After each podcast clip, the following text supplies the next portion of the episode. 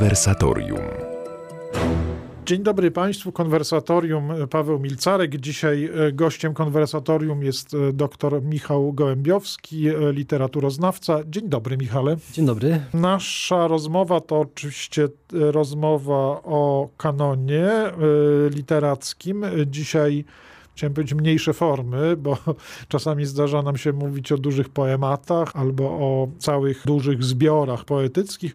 Tutaj natomiast i wiele, i mało, bo raczej chodzi nam o utwory objętościowo nie takie potężne, a z drugiej strony chodzi nam o bardzo duże przestrzenie, bo chcemy rozmawiać dzisiaj o poezji chrześcijańskich odrodzeń. Tak to figuruje, jest taki osobny, y, osobny fragment w zredagowanym przez nas obu zresztą brewiarium kanonu kultury, który zdaje się w dalszym ciągu pozostaje skarbem zamkniętym, ale kiedyś pewnie będzie również poza bibliotekami szkolnymi y, y, szerzej dostępny. W każdym razie nawiązuje do tego, do tego określenia poezja chrześcijańskich odrodzeń, i od razu musimy mm, sobie rzecz objaśnić, dlaczego liczby, mno, liczbie mnogiej te odrodzenia, słowo odrodzenie będące polskim odpowiednikiem obcojęzycznego, obcojęzycznie brzmiącego pojęcia renesans, e, tak?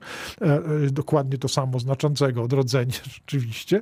To jest nazwa, którą do niedawna jeszcze właściwie wszyscy kojarzyli tylko z jednym. No jest, jest renesans humanistyczny, gdzieś tam w XIV wieku zaczyna o sobie dawać znać w Italii, potem się rozlewa na Europę. XV wiek to jest ten moment, w którym możemy mówić o triumfie confia już e, renesansu, XVI wiek to, są, to jest czas, w którym powoli zaczyna się on już z innymi wpływami kontaktować dalszymi, ale w dalszym ciągu jest to styl uderzający i królujący. I zwykle to, co wszyscy uczniowie ze szkoły wynoszą, to to, że co, co to jest renesans, zainteresowanie klasyką, starożytnością i na pewno nie jest to to, co średniowiecze. Średniowiecze to jest zupełnie coś innego i właśnie renesans to za to zaprzeczył. To myśmy kiedyś zresztą w naszym, w tym składzie z Michałem Gołębiowskim o tym, o tym rozmawiali z osobna. Ja o tym tylko dlatego wspominam, że mm, nam tu w naszej rozmowie chodzi trochę o, o coś innego, mianowicie o taką twórczość poetycką, która jest związana z mm, podwójnym odkryciem takim y, kultury y, europejskiej, chrześcijańskiej. Pierwsze odkrycie y, oczywiście właśnie takie, że że istnieje jakaś klasyka starożytna, że, że autorzy średniowieczni w kolejnych fazach zaczynają E, odkrywać, czytać, e, przejmować się głównie autorami łacińskimi zresztą, chociaż wiedzą też trochę o, o, o, wcześniejszych greckich, ale przede wszystkim to, co do nich dochodzi, to, jest, to są wzory łacińskie, rzymskie. No więc to jest tak, ten klasycyzm, tak, czy ta klasyka. Ale drugie, o, o czym zwykle nie myślimy, to jest e, po prostu wątek teologiczny. Przez odrodzenie cała teologia chrześcijańska, w związku z tym autorzy chrześcijańscy tym się również, to jest jest dla nich inspiracja. Teologia chrześcijańska rozumie po prostu stan człowieka, który otrzymuje chrzest i łaskę Bożą. On jest odrodzony. To jest w ogóle pierwotne znaczenie słowa odrodzenie. I w takim razie to dotyczy nie tylko najściślej, najgłębiej duchowego wymiaru życia człowieka, ale także stopniowo, krok po kroku, wraz z tym odrodzeniem wewnętrznym, przekłada się także na kolejne przestrzenie, kolejne powłok ludzkiej kultury, ludzkiej aktywności, a więc mówimy o, o odrodzeniu kultury chrześcijańskim. Pewnymi fazami tego odrodzenia, o własnej specyfice, były takie owocowania kultury, które, które się obserwuje w tak zwanym renesansie karolińskim, które potem widzimy w, też w, w wspaniałym okresie renesansu wieku XII. No i właściwie już właściwie bez, bez większej przerwy, także w okresie tego owocowania kultury scholastycznej, więc w złotym, w złotej scholastyce, jak to Etienne Gilson mówił, czyli, czyli w XIII e, wieku. A dopiero potem tak, pojawia się jako rodzaj bardziej dyskusyjnego tak, etapu ten renesans humanistyczny, który w dalszym ciągu, ale w inny sposób próbuje dorównać starożytnym, a w jakimś sensie traci już ten charakter takiego jednoznacznego odrodzenia chrzcielnego kultury. Tak? W jakimś sensie bardziej wraz z ideałami starożytnymi autorzy renesansu zaczynają już stopniowo, stopniowo, nie za bardzo na początku świadomie, ale przejmować też taki ideał naturalistyczny, tak? własnej siły człowieka, jego tężyzny, jego mocy i tak dalej. Pewnie to nie jest zaplanowane na początku, tylko w jakimś sensie się ujawnia i to różnicuje renesans humanistyczny od renesansów wcześniejszych. Ale wszystko to w jakimś sensie są renesansy, odrodzenia chrześcijańskie. My dzisiaj raczej o tej twórczości, która by się bardziej ze średniowieczem, prawda, kojarzyła, mamy zamiar rozmawiać. Tak, właśnie tu y, bardzo ważne jest to rozróżnienie, bo wydaje mi się, że istnieje taka wręcz automatyczna skłonność do kojarzenia właśnie ty, tego renesansu humanistycznego z tymi renesansami średniowiecznymi na takiej zasadzie, że w tych renesansach średniowiecznych do, następowała Y, eksplozja, czy też ujawnienie się pewnych sił laicyzujących, prawda? Jest, jest, jest taki, nawet y, bym powiedział wśród y, autorów o proweniencji chrześcijańskiej, prawda? Jest, jest taka tendencja do tego, żeby kojarzyć na przykład renesans karoliński z pewną dekadencją już, ze względu chociażby na to, że wtedy no, zauważamy większą na pewno tendencję do tego, żeby pisać na przykład poematy miłosne, takie, takie świeckie, może nie zupełnie, bo w tamtej twórczości jednak w dalszym ciągu wszystko było zanurzone w teologicznym obrazie świata, w takim właśnie jak, jak y, znaczy wszystko było też gdzieś tam odwołujące się do, do teologii Kościoła. Nawet jeżeli na przykład y, zauważamy na pewnych etapach y, średniowiecza w tych pieśniach trubadurów chociażby jakieś wątki gnostyckie, prawda, to z drugiej strony no Oczywiście tutaj można by bardzo szeroką i głęboką dyskusję rozwinąć na temat tego, czy faktycznie tam te gnostyckie e, e, elementy są, czy też one są niejako gdzieś tam przypisywane na zasadzie takiego, takiej gry skojarzeń, ale jakby sprowadzanie tego pojęcia odrodzenia tylko do tego takiego elementu właśnie, który jest takim, myśmy powiedzieli tak bardzo prosto zwrotem antropocentrycznym, e, no jest, jest krzywdzące i, i, i nieadekwatne, tym bardziej, że ja osobiście no nie, jestem, nie jestem wielbicielem tego rozróżnienia teocentryczny i antropocentryczny, mhm. prawda? Bo na różnych etapach y, literatury i kultury te, te dwie sfery jakoś się warunkowały. No chociażby tutaj bym wspomniał wyznania świętego Augustyna. Czy one są antropocentryczne, czy też teocentryczne, prawda? Czy też na przykład później sonety Sępa Szarzyńskiego. Czy one są antropocentryczne, czy teocentryczne?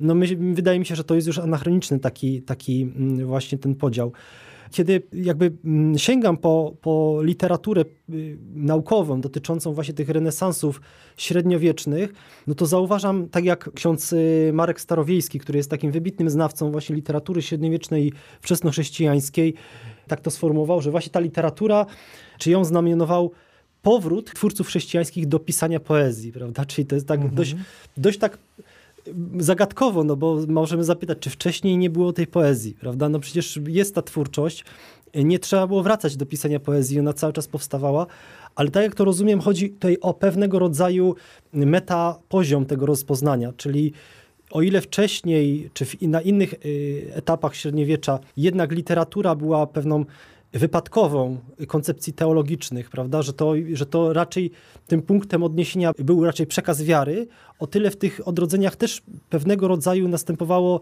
właśnie waloryzacja myśli o poezji jako, jako o samym takim zjawisku, o samym takim fenomenie. Między innymi tak to interpretuję z tego powodu, że niekoniecznie chodziło tutaj o, o, ten powrót do ideału antyku przeciwko chrześcijaństwu, tak jak to się często często interpretuje, co raczej chodziło tutaj o to, że kultura chrześcijańska y, znalazła się w tym momencie, w którym poeci mogli, czy chcieli konkurować z tymi wielkimi poetami starożytnymi. I tutaj o to chodzi właśnie o ten, o ten powrót do, do, do, do antyku. Oczywiście to też włączano dużo większą erudycję i to też cechuje tę twórczość, ale myślę, że to jeszcze zgłębimy to y, jeszcze, jeszcze bardziej od innej strony. Tak jest. To jest nasze wejście. Jak powiedziałem na początku, kwestię równocześnie ogromnie szeroką, bo obejmujemy jednym określeniem twórczość rzeczywiście pochodzącą z bardzo wielu różnych środowisk e, chrześcijańskich wieku od e, gdzieś tam pewnie trzeba by było się zdecydować, że pewnie raczej od IX, XII, XIII, chociaż mówiąc szczerze, to ja gdzieś tam myślałbym sobie, że gdzieś działający w VI wieku Wenancjusz Fortunat też jest bardzo odrodzeniowym autorem w tym sensie, o którym tutaj e, mówimy, jego jego utwory o kwiatach na ołtarzu, czy podobne o miłości są znakomicie w tym samym nurcie. No ale o tych e, rozmaitych, e, wspaniałych rzeczach powiemy jeszcze po przerwie. Wracamy do rozmowy o mm, poezji chrześcijańskich odrodzeń tych, e, które mm, przynosiły swoje, które przynosiły swoje utwory w czasie renesansu karolińskiego w XII wieku, potem, potem także w czasach e, złotego średniowiecza. No nie zamykamy tutaj tego nawiasu, e, bo wcale nie chcemy budować tej granicy między średniowieczem a, a humanizmem renesansowym aż tak, aż tak mocno. Zaczęliśmy o tym mówić przed przerwą. Trochę z perspektywy takiej ogólnokulturowej, ale pewnie trzeba by było mówić o tym, czym się ta twórczość, e, te nie zawsze duże formy charakteryzują, co mianowicie jest jakimś ich, e, ich jakimś wspólnym mianownikiem. Wiesz, ja przeglądam z jednej strony Kolumbana, na przykład pieśń żeglarską, to cudowny utwór, taki właśnie gdzieś tam dla kogoś, kto wie coś o Kolumbanie, no to pewnie będzie się zaraz to wszystko rymowało z, z atmosferą tej iroszkockiej duchowej inwazji tak, na Europę monastycznej, e, tymi niezwykłymi wyprawami e, ludzi e, z małej wyspy, zimnej wyspy do centrum Europy, gdzie oni właściwie tak naprawdę uruchamiali różne centra duchowe, które Europę chrystianizowały. Potem mam gdzieś przed, przed oczami utwory, gdzieś znowu jesteśmy blisko tego samego. Alcuina, Alcuina, ministra Karola Wielkiego, pewnie benedyktyna, choć po prostu mnicha. Na pewno wiemy, że, że, że mnicha, a że y, karolingowie sprzyjali przede wszystkim regule świętego Benedykta, więc pewnie, więc pewnie mamy też i tutaj w Alcuinie benedyktyna, który poza niesamowitą aktywnością y, minister oświaty de facto i w ogóle y, administrator różnych spraw ważnych, wielkich, a równocześnie no, jest, ma tam swoje takie cudowne marginalia, piękne poezję. E, e, tutaj w polskich przekładach mamy takie różne droga do kościoła, e, o własnej celi, no, piękne rzeczy. Gdzieś zaraz obok tego jest Paweł Diakon. To cały czas jest twórczość mnichów. Na przykład Paweł Diakon, to tam zwykle pamiętamy o hymnie o świętym Janie Chrzcicielu, dlatego ze względów formalnych, bo on jest taki klasyczny formalnie, ale pod względem przedmiotu jest, jest liturgiczny, jest, jest sakralny. Natomiast przed chwilą ten, te Alcuina utwory były takie trochę na granicy, tak? Atmosfera osobista, jakaś również zauważenia natury, różnych e, historii, wspomnienie, a wszystko to gdzieś w świecie chrześcijańskim, wewnątrz świata chrześcijańskiego. I zaraz gdzieś, wiesz, potem skoczymy skokiem żaby i trafimy e, Nisnodizowan trafimy w XII wieku na Abelarda, czołowego dialektyka, no w ogóle jakbyśmy powiedzieli w średniowieczu człowieka nowoczesnego pod wieloma względami, trochę skandalisty mimo woli, potem bardzo spokojnego, pokornego człowieka modlitwy, refleksji i autora hymnów, które są z jednej strony oddychają takim spokojem, a równocześnie są no, hymnami de facto liturgicznymi, prawda? Tą ścieżką moglibyśmy podążać dalej. Czy to jest jakaś jedna jedna wspólna nić, czy po prostu mamy różne style, różne podejścia? E, właśnie myślę sobie o tym w taki sposób, że można by oczywiście tak dokonywać opisu strukturalnego, co się zmieniło w poezji, mm. ale nie wiem, czy, czy słuchacze e, byliby skłonni akurat o, o tym e, posłuchać, więc może powiem tak obrazowo, że kiedy obcujemy w ogóle z tą twórczością właśnie tych odrodzeń średniowiecznych, to od razu narzuca nam się ta, ta różnica, czy ta nowość, która wynika po pierwsze z pewnej dynamiki w ogóle opisu y, poetyckiego. Zdecydowanie bardziej y, mamy tutaj do czynienia właśnie z dynamiką niż z taką statycznością tego opisu, który, który zauważamy w poprzednich epokach, zwłaszcza w twórczości wczesnego średniowiecza, gdzie na przykład sytuację wewnętrzną człowieka opisywała raczej alegoria, prawda? Tutaj już mamy mniej alegorii, mamy dużo tego subiektywizmu, subiektywnego spostrzeżenia właśnie ja lirycznego. Tutaj byśmy powiedzieli właśnie ten powrót do poezji wynikał być może między innymi z tego, że nabywano może taką głębszą świadomość liryczności i jakby poddawano się tej liryczności. Bo jeśli chodzi o poematy na przykład alegoryczne, to oczywiście tutaj można dyskutować na ile mm, one licują z liryką, prawda, a na ile one są już epickie, prawda.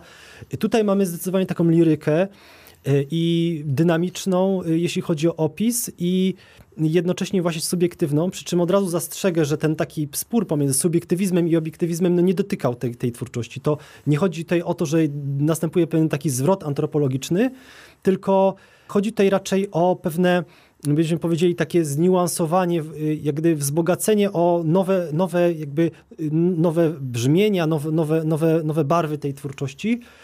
To jest, to jest jedna rzecz. Oczywiście wchodzi w grę dużo większe bogactwo w ogóle form, czy odwołań się do form antycznych. Większa też świadomość tego, co te formy za sobą niosły, jaki bagaż treści same w sobie i jakie, jakie tonacje one narzucały. To jest druga sprawa. A trzecia, być może taka najbardziej rzucająca się w oczy, to jest ogromna wręcz plastyczność tej poezji. Tutaj wspomniałeś o poemacie Do swojej celi Alcuina i tam oczywiście mamy, no można powiedzieć paradoksalny, chociaż jeśli chodzi o sam ten motyw celi jako takiego wielkiego ogrodu, który ma mnóstwo kwiatów w sobie, a wiemy przecież, że cela, cela jest uboga tak naprawdę, czy takie taki właśnie pewnego rodzaju koncept, który nas wprowadza w wa wartości wewnętrzne, no to znamy już u świętego Hieronima, który pisał, że dla niego ta pustelnia, y, w której de, de facto wiecznie chorował, bo były bardzo ciężkie warunki w tej jego pustelni, on nazywał to ogrodem, a przecież to, jest, to było na pustyniach, y, na tych rozgrzanych piaskach Betlejem, prawda, ta jego, ta jego pustelnia, wśród tych skorpionów i różnych takich dzikich zwierząt, które tam się yy, kręciły. Tutaj u Alcuina mamy również ten koncept takiej właśnie wewnętrznej wartości celi, zobrazowany poprzez mnóstwo tych plastycznych y, elementów, kwiaty, odblaski słońca, ciepło, prawda? Mam, a dopiero później dowiadujemy się, że tak naprawdę chodzi tutaj nie o te ziemskie wartości, prawda? Jesteśmy wprowadzeni w pewną zmysłowość tego opisu, a dopiero później jakby spoglądamy pod podszewkę, że tak naprawdę chodzi tutaj o wewnętrzną y, wolność, którą, którą wyzwala ta cela, że ona tak naprawdę jest surowa, ale wolna od marności tego świata i to są te prawdziwe, prawdziwe prawdziwe kwiaty, więc również ta zmysłowość. Przy czym jest również e, utwór o Rzymie, e, tym pogańskim i chrześcijańskim. I od razu tutaj można powiedzieć, że ten zwrot ku starożytności to nie był taki, jak byśmy sobie to wyobrażali na podstawie twórczości renesansowej, czyli takiego powiedzielibyśmy właśnie odrodzenia współczesności właśnie pod auspicją tego wielkiego, mieniącego się różnymi barwami antyku, tylko tutaj właśnie mamy Rzym przedstawiony jako ruina, a jednocześnie jako wiecznotrwały z tego względu, że tam właśnie jest to centrum e, średniowiecznej chrześcijańskiej Europy, prawda? I, i, i, czyli, czyli de facto zerwanie z tym antykiem, z Rzymem antycznym i wręcz takie potępienie, bo tam mamy takie, takie elementy potępienia moralnego, tego, co miało być taką wielkością ziemską, a przecież nie sprawdziło się, bo, bo te największe wielkości ziemskie po prostu, po prostu obracają się w pył. No, można powiedzieć, e, e, że ci autorzy są subtelnymi, czasami krytycznymi, ale subtelnymi i miłującymi dziedzicami tego, co z antyku było dla nich e, widoczne. Ty wspomniałeś o tym momencie krytycznym Hildeberta z Lavardin w tym takim podwójnym utworze o Rzymie antycznym, Rzymie chrześcijańskim, ale jednak w tym utworze, mimo całej surowości, jest i tęsknota do formy, czy umiejętność posługiwania się także dawną formą, czyli to jest rozmowa z e, antykiem, jego językiem, tak? Wejście na, na, na, na, ten, na ten e, sam poziom rozmowy. To nie jest takie dogadywanie z boku, tak? Tylko trochę tak jak u Augustyna mieliśmy w innej, w państwie Bożym, gdzie tam ciągle wyrzeka na Rzym, na jego upadek, ale jest de facto Rzymianinem, tak? Z kultury. Więc podobnie nawet ci już odlegli czasowo, średniowieczni autorzy, tak jak właśnie ten Hildebert z XII wieku, jak Marbot z Rennes, jak Fulbert z Chartres, to są wszystko już autorzy w jakimś sensie dziedziczący, ale dziedziczący świadomie i jakoś już, e, to kiedyś o tym przy innej okazji rozmawialiśmy, to już jest trochę ta poetria nowa, e, że już Europa ma swój własny, zaczyna mieć swój własny smak, swoje własne formy, swoją własną taką pewność siebie w poezji również. Dlatego jest to takie, powiem kolokwialnie, smaczne, bo, bo, bo nie jest to epigonizm, tylko to jest już taki własny głos, a równocześnie tam czujemy przecież, bo to wszystko oni przeszli przez szkołę Owidiusza, Wergiliusza, tak, znają to bardzo dobrze. To był ich e, elementarz, abecadło poetyckie, a równocześnie już są u siebie panami e, i, i potrafią mówić, a także ponieważ są chrześcijanami, no to mają też tę świadomość takiej suwerenności duchowej, że nie są niewolnikami starożytnych, tylko potrafią ich również, ich również osądzić. Właśnie daje się wyczuć taki specyficzny ton tej twórczości. Yy, mianowicie mam, na myśli taką postawę, która już jest trochę inna niż wskazywałoby na to powiedzenie, yy, że ci twórcy średniowieczni są karłami na ramionach gigantów. Oczywiście wiemy o tym, że samo to powiedzenie no, nie dewaluuje twórców średniowiecznych, tylko pokazuje jakby ten wielki dorobek antyku, na którym wspinają się jednak mniejsi twórcy. Tutaj jest też ten ideał właśnie pokory, ale oni przewyższają tych twórców antyku dlatego, że sta, stają po prostu na, na, ich ramionach. I patrzą dalej. I patrzą dalej, dalej tak, ale, ale z kolei tutaj trosz, trochę jakby ta formuła jest inna. To znaczy mam takie wrażenie, zwłaszcza kiedy czyta się już takie puenty, prawda, tych, tych utworów, że że oto właśnie tu Rzym, to, był to, to było to wielkie królestwo, no ale my czekamy na większe królestwo. Że to są twórcy, którzy owszem czerpią z tego dorobku antyku, ale już właśnie paradoksalnie, bo myślelibyśmy, że twórcy odrodzeń czy renesansów już by jakoś czołobitnie do tego antyku podchodzili, a oni podchodzą trochę miłosiernie, na takiej zasadzie, że oni zachowują dobre zdobycze antyku, ale już z takiej postawy właśnie dobroduszności, wielkoduszności może bardziej niż dobroduszności, właśnie wielkoduszności takiego szlachetnego właśnie miłosierdzia do tego, że, że owszem ta kultura była w, w wielu błędach, prawda, ale my odzyskujemy jako już samodzielni twórcy, którzy, może, którzy mogą stanąć w szaranki z tymi największymi właśnie twórcami antyku. No właśnie, tak to e, odkopujemy naszymi łopatami i łopatkami te zagadnienia e, na Państwa oczach. Po przerwie podzielimy się z Państwem głosem tej poezji, o której tu rozmawiamy. Wracamy do rozmowy o poezji średniowiecznych odrodzeń, o poezji chrześcijańskich odrodzeń. W trzeciej części, jak zwykle, po prostu pojawia się u nas w naszej rozmowie e, głos samych poetów. Z tego bardzo bogatego zespołu twórczości, który, o której tutaj mówiliśmy, Państwo już widzieli, jak po prostu wieki, jak w kalejdoskopie przebiegały nam przed oczami. Kilka wieków tutaj w ten i w tę wracaliśmy się więc mamy od IX do XIII wieku spory, spory wybór, któremu tutaj z autorów dać głos, prawie jak Dante chodzący po zaświatach, spotykający różnych autorów. My tutaj spotykamy y, też rozmaite głosy. Chciałbym y, Państwu nie całość, bo to by mm, może było niestosowne, ale dwoma fragmentami dać, dać przykład tej twórczości, o której tutaj rozmawialiśmy.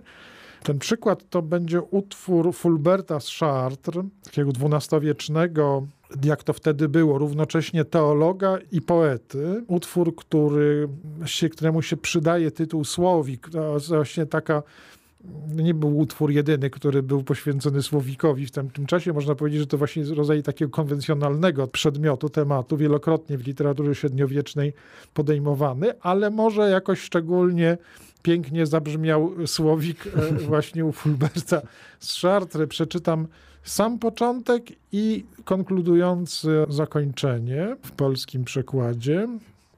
Niechaj zabrzmi złota lira czystym rytmem pieśni w takt. Niech piętnaście zgranych dźwięków z każdej strony płynie w krąg. Jednogłośnie zaśpiewajmy Słowikowi wdzięczny hymn. Niechaj naszej słodkiej pieśni będzie obcy wszelki fałsz, wszak mistrzostwu jego głosu nie dorówna żaden chór.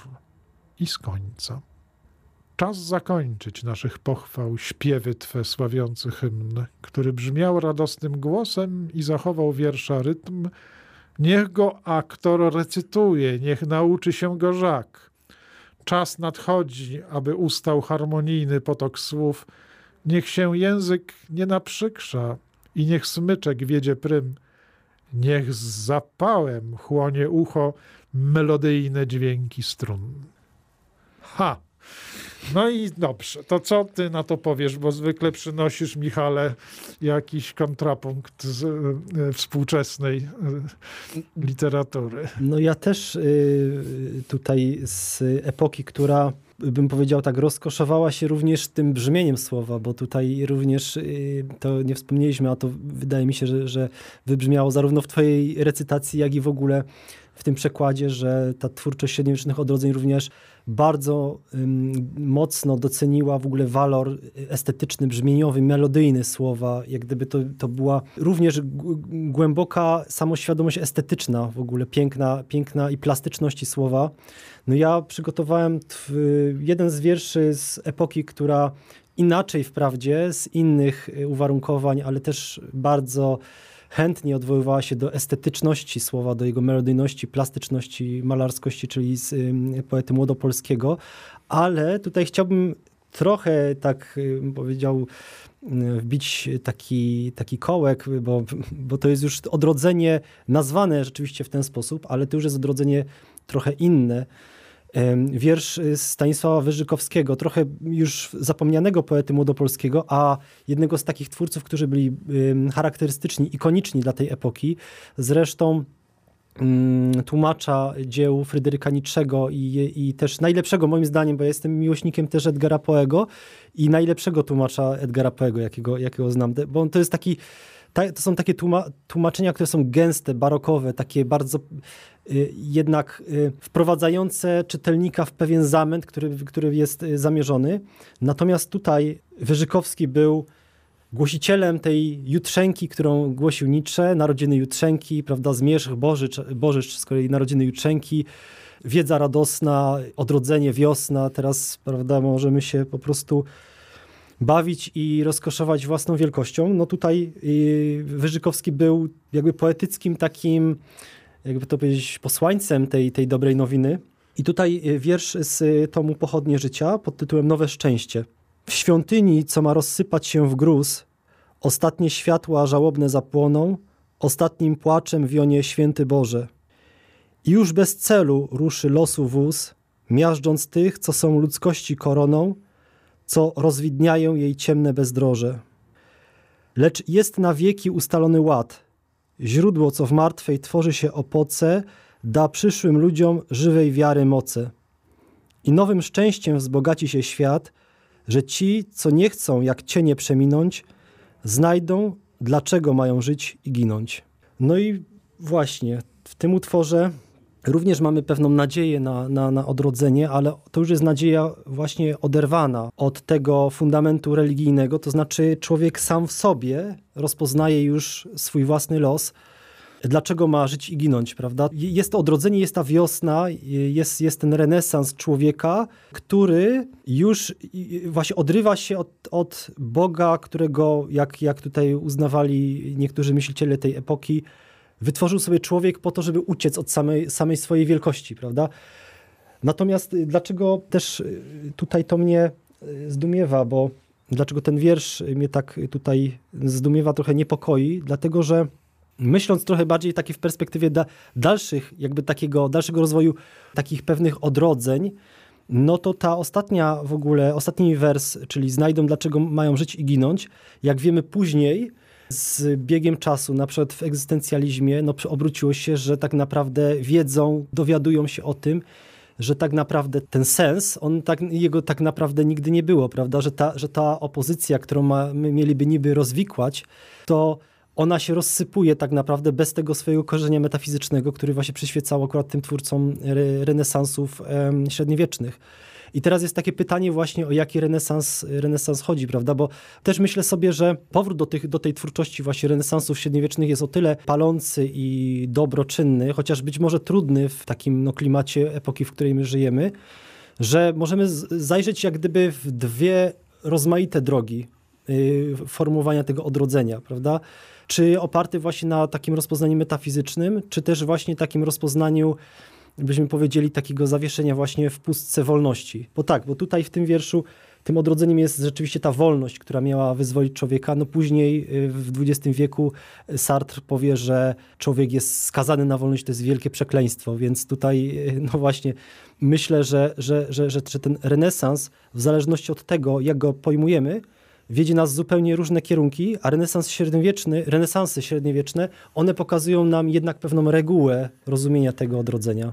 W centrum naszej dzisiejszej rozmowy, w której się pojawiały różne utwory, różni autorzy, w centrum naszej rozmowy y, znajdowało się pojęcie odrodzenia, renesansu. Państwo słyszeli, w jak rozmaitych e, znaczeniach e, to słowo może występować, a następnie jak e, w praktyce też rozmaitymi mieni się stylami, sposobami wypowiedzi. I jak równocześnie pod tym wszystkim ciągle aktualne jest napięcie między tym odrodzeniem, które jest odzyskiwaniem nowego człowieka, tak, o którym pisał święty Paweł, e, no a odrodzeniem, które jest pozbywaniem się e, e, człowieka związanego z Bogiem na, na, na rzecz człowieka, który ma się sam stwarzać czy sam, sam, sam kreować. Ta, to napięcie nigdy nie ulega zniesieniu. Ono prędzej czy później musi dojść do głosu autorów będących rzecznikami obu tych stanowisk, choć można powiedzieć, że u każdego z autorów te dwie strony y, są obecne, tylko sam autor siedzi czasami po jednej, a czasami po drugiej stronie jako rzecznik tego lub innego odrodzenia.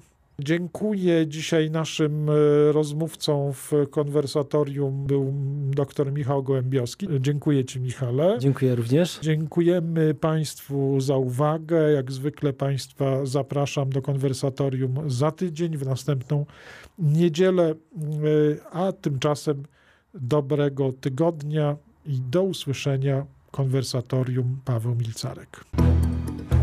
Audycja powstaje we współpracy z kwartalnikiem Christianitas.